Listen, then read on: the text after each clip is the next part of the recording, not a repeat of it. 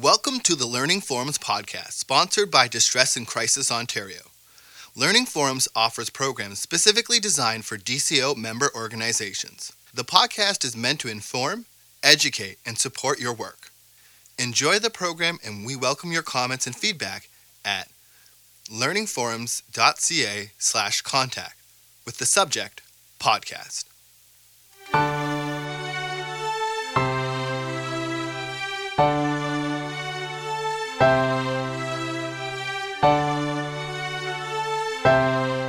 Welcome, um, and thank you for being here. We're so pleased to have you here. Um, we're going to talk about limits and boundaries today, and it's a topic that not only applies at the Distress Center, but also in life in general, in the real world out there.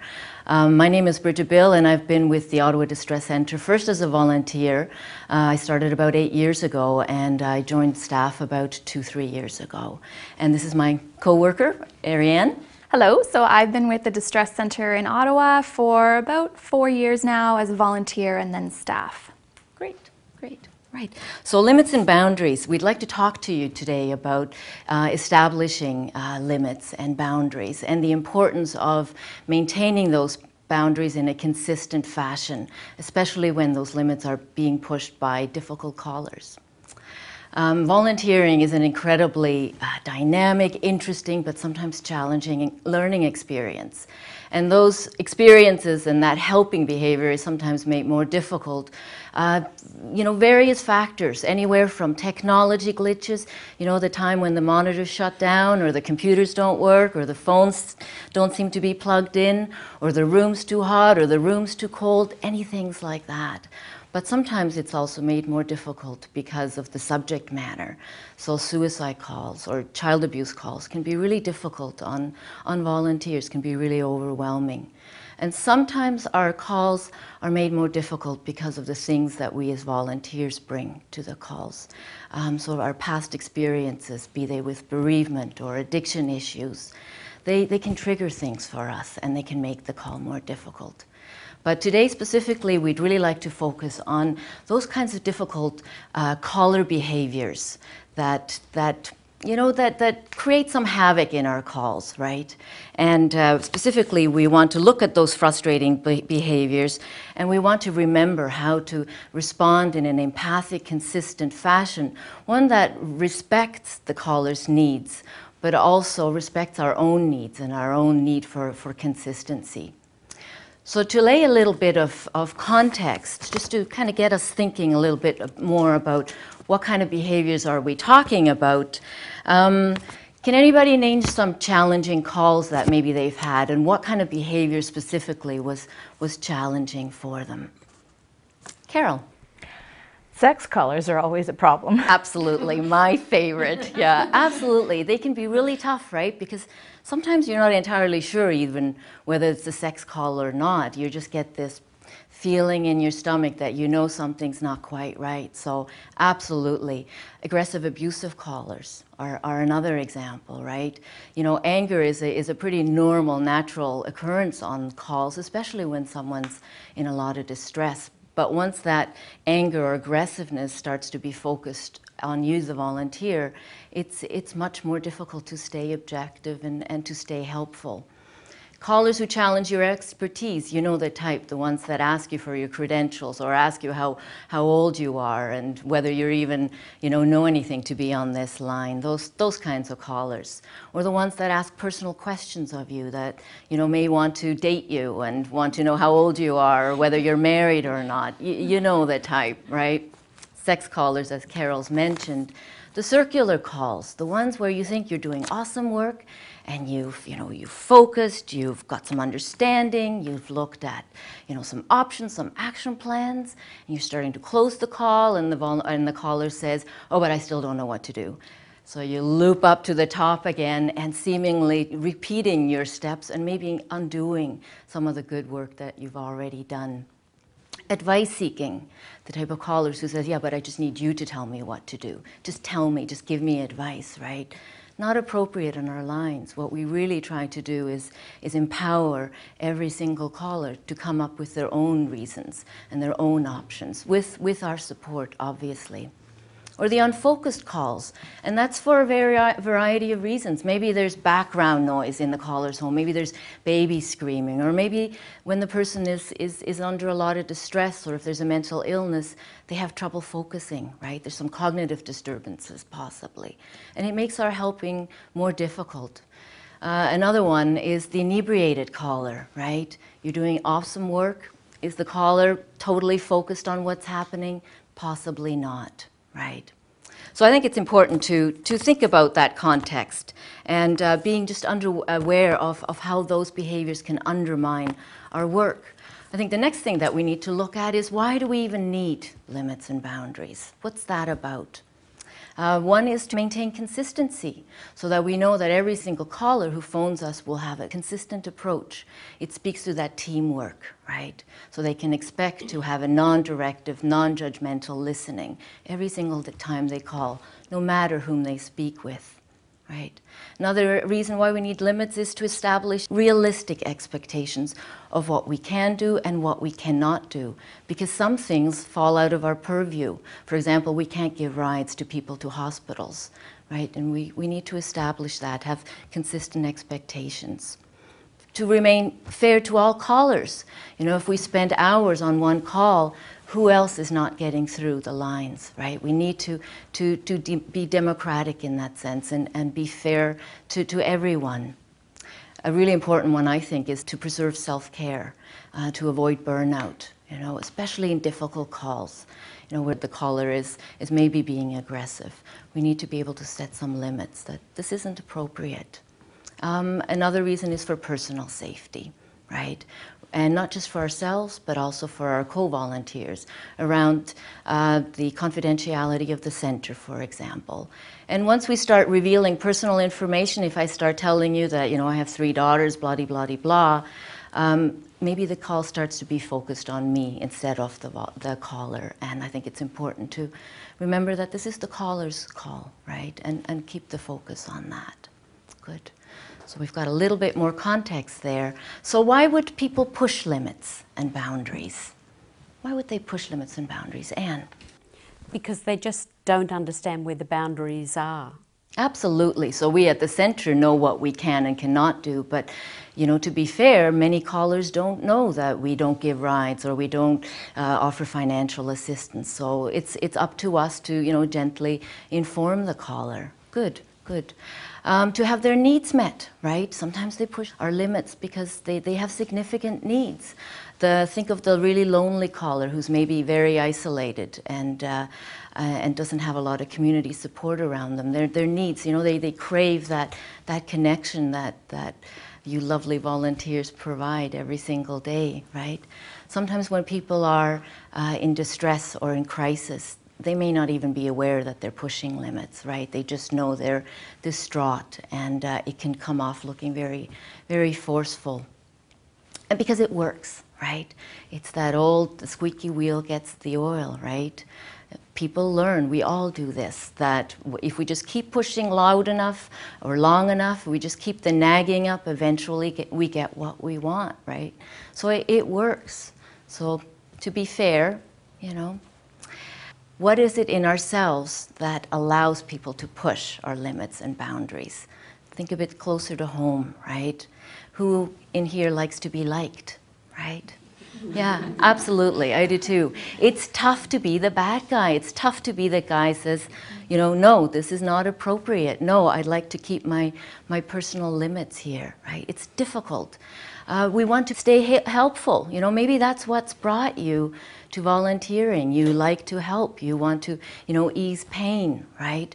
And it's difficult to end calls on callers when you know that the distress continues, when you haven't been able to, you know, solve all their problems. It's, it's difficult. Um, tough to say no, right?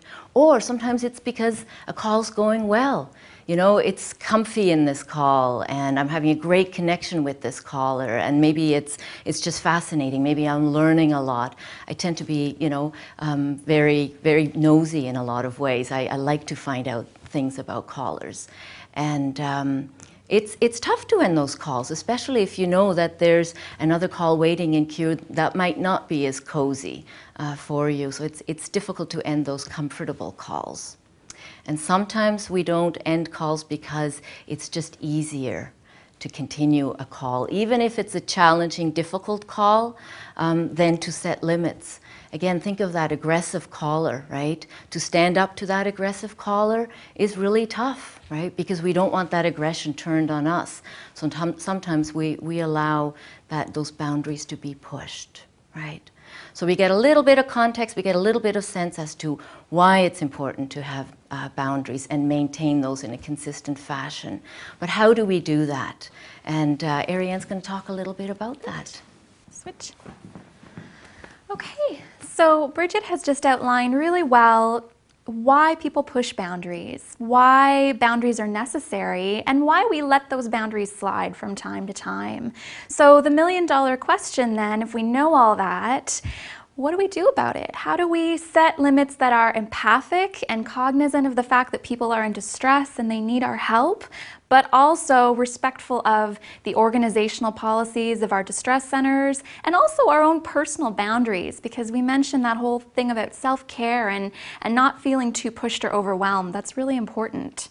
So, how do we do that? Well, there are three golden rules around empathic assertiveness.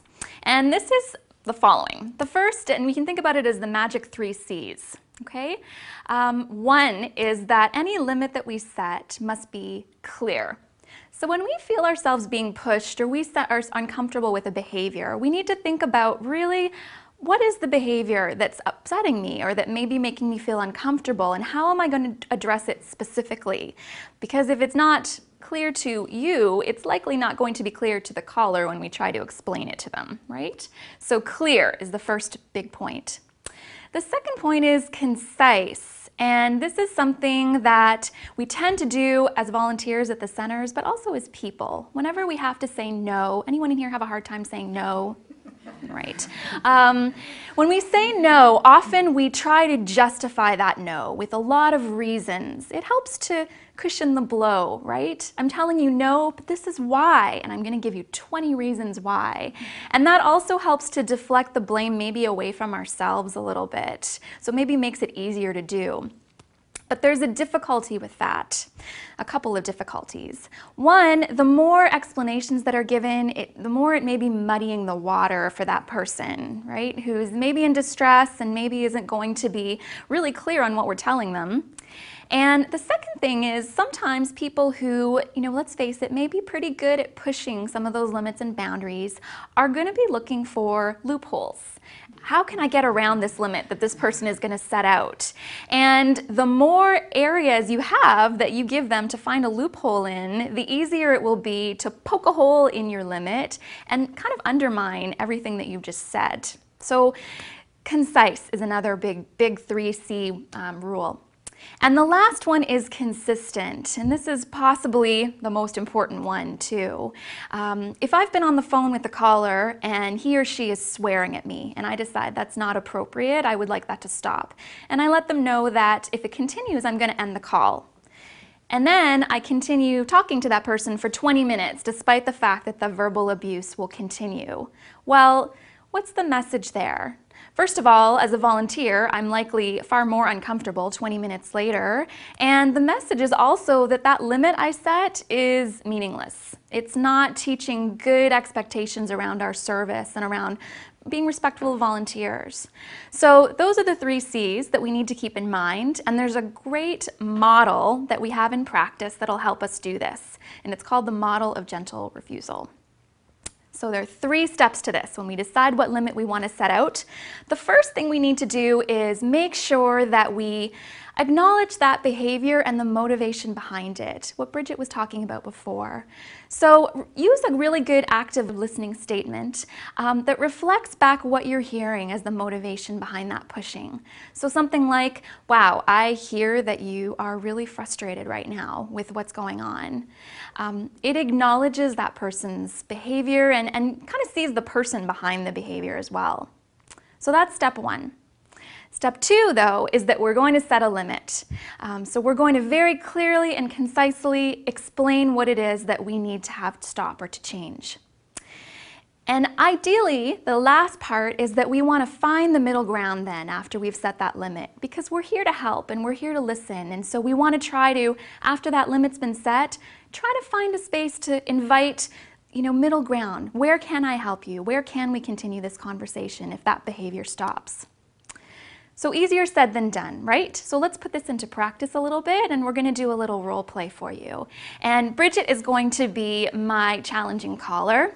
Look at her, she's challenging, I can tell by looking at her. and let's say that we've been talking and she's been telling me all about her very stressful work situation. She's feeling really stressed out at work and she is upset and is asking me for my advice. And we know that we are helping callers to find their own, you know, solutions or steps forward, so I'm not going to give her advice. So let's say I say something like, um, wow, Bridget, you know, I, I think you know yourself way better than I, I know you. You know your shoes better than I do. I'd, I'd be really interested to hear what you've done so far. Oh, great. Do you have any idea how long it took me to get through? You don't know what to say, do you? This is such a bloody waste of time. I'm sorry I called. Timeout. Okay, so that's maybe making me a little uncomfortable, right? Because I can tell that Bridget's upset and it's likely because of this situation, but this is starting to be directed at me, right? This is becoming personal, and I'd like to stop that because that's not going to continue a productive conversation if we go down this road. So I'm going to try my best to reflect what I'm hearing, but also set a limit that's clear. Wow, Bridget, I can see that you're feeling, or I can hear that you're feeling incredibly overwhelmed by everything that's been happening at your job, and, and you're really looking for some answers here. Uh, I'm going to ask that you not direct that anger at me right now, but I am willing to continue the conversation and, and help you brainstorm some alternatives for how we can see you through this time. Oh, great. You don't know what to do either, do you? What a waste of time. How old are you anyway? And what makes you think you can know anything and work on a line like this? Yikes. Okay, so the good news is that 75% of the time, that initial model of gentle refusal works really well, and that the person will maybe not have been aware of the fact that they were pushing you or the service, and they will maybe apologize, or maybe you'll continue to have a conversation. So it does work, but sometimes it doesn't. And then what do you do, right? Well, then we need to move to plan B. If Bridget's response is what it just was, it's the two strikes you're out model. So I am going to reiterate to her that limit, draw a line in the sand basically, what is not tolerable and what I'm going to do about it if it continues. And then if it does continue, I'm going to follow through. So it's that consequences piece or that consistency piece.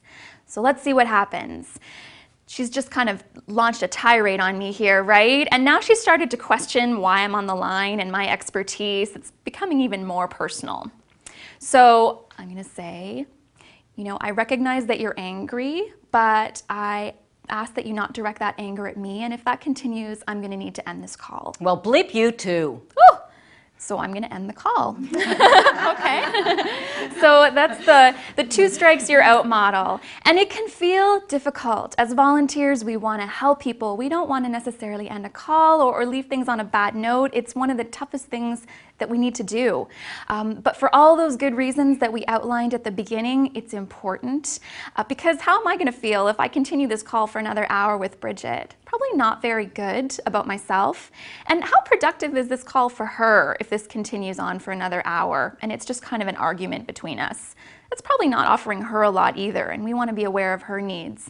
So we're going to hope that this call has ended and that maybe given some time, Bridget will call us back another day and maybe have a better awareness of the limits about our service and, and the limits of individual volunteers. So you had a question, Nancy? Yes, uh, actually, it happened on the last shift, and we got talking about it amongst ourselves on our off time. Uh, these are uh, older people who perhaps are starting to show the first signs of dementia and tend to be also a little paranoid and they really don't understand the limits and the calls are very very circular and everybody they've they've tried everybody in their community and their family has cut them off and nobody can help them and they go you go round and round and round and round and it's they're they are hard calls to end. So sort of how much time do you give them without cutting them off? That's a good question around those circular calls, which uh, you know you see the need there is very great, um, and yet it may not be clear to that person why a limit is being set. Um, so we want to be empathic to that person, but also recognizing what we we can and can't do too as volunteers, because prolonging a call like that indefinitely may not be more helpful for that person than, than a short call.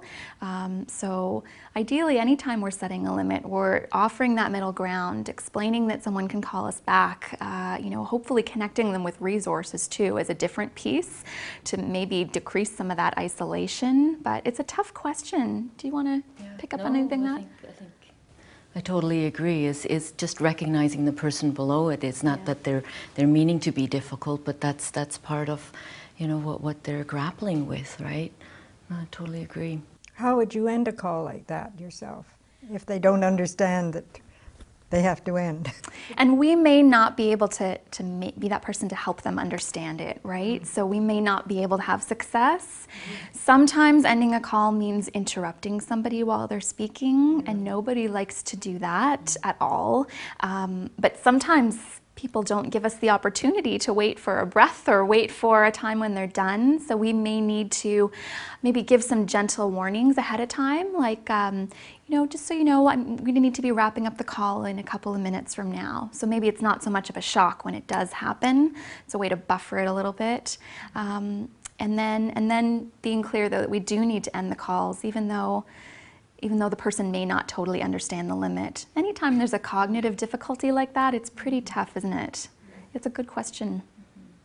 So I recognize that it is difficult, but this model of empathic assertiveness is really key for self care, for organizational policies, and, and for the callers as well. So we wish you very good luck in putting this into practice. We know you're already doing this at your centers, and um, thanks again for, for being with us on this presentation.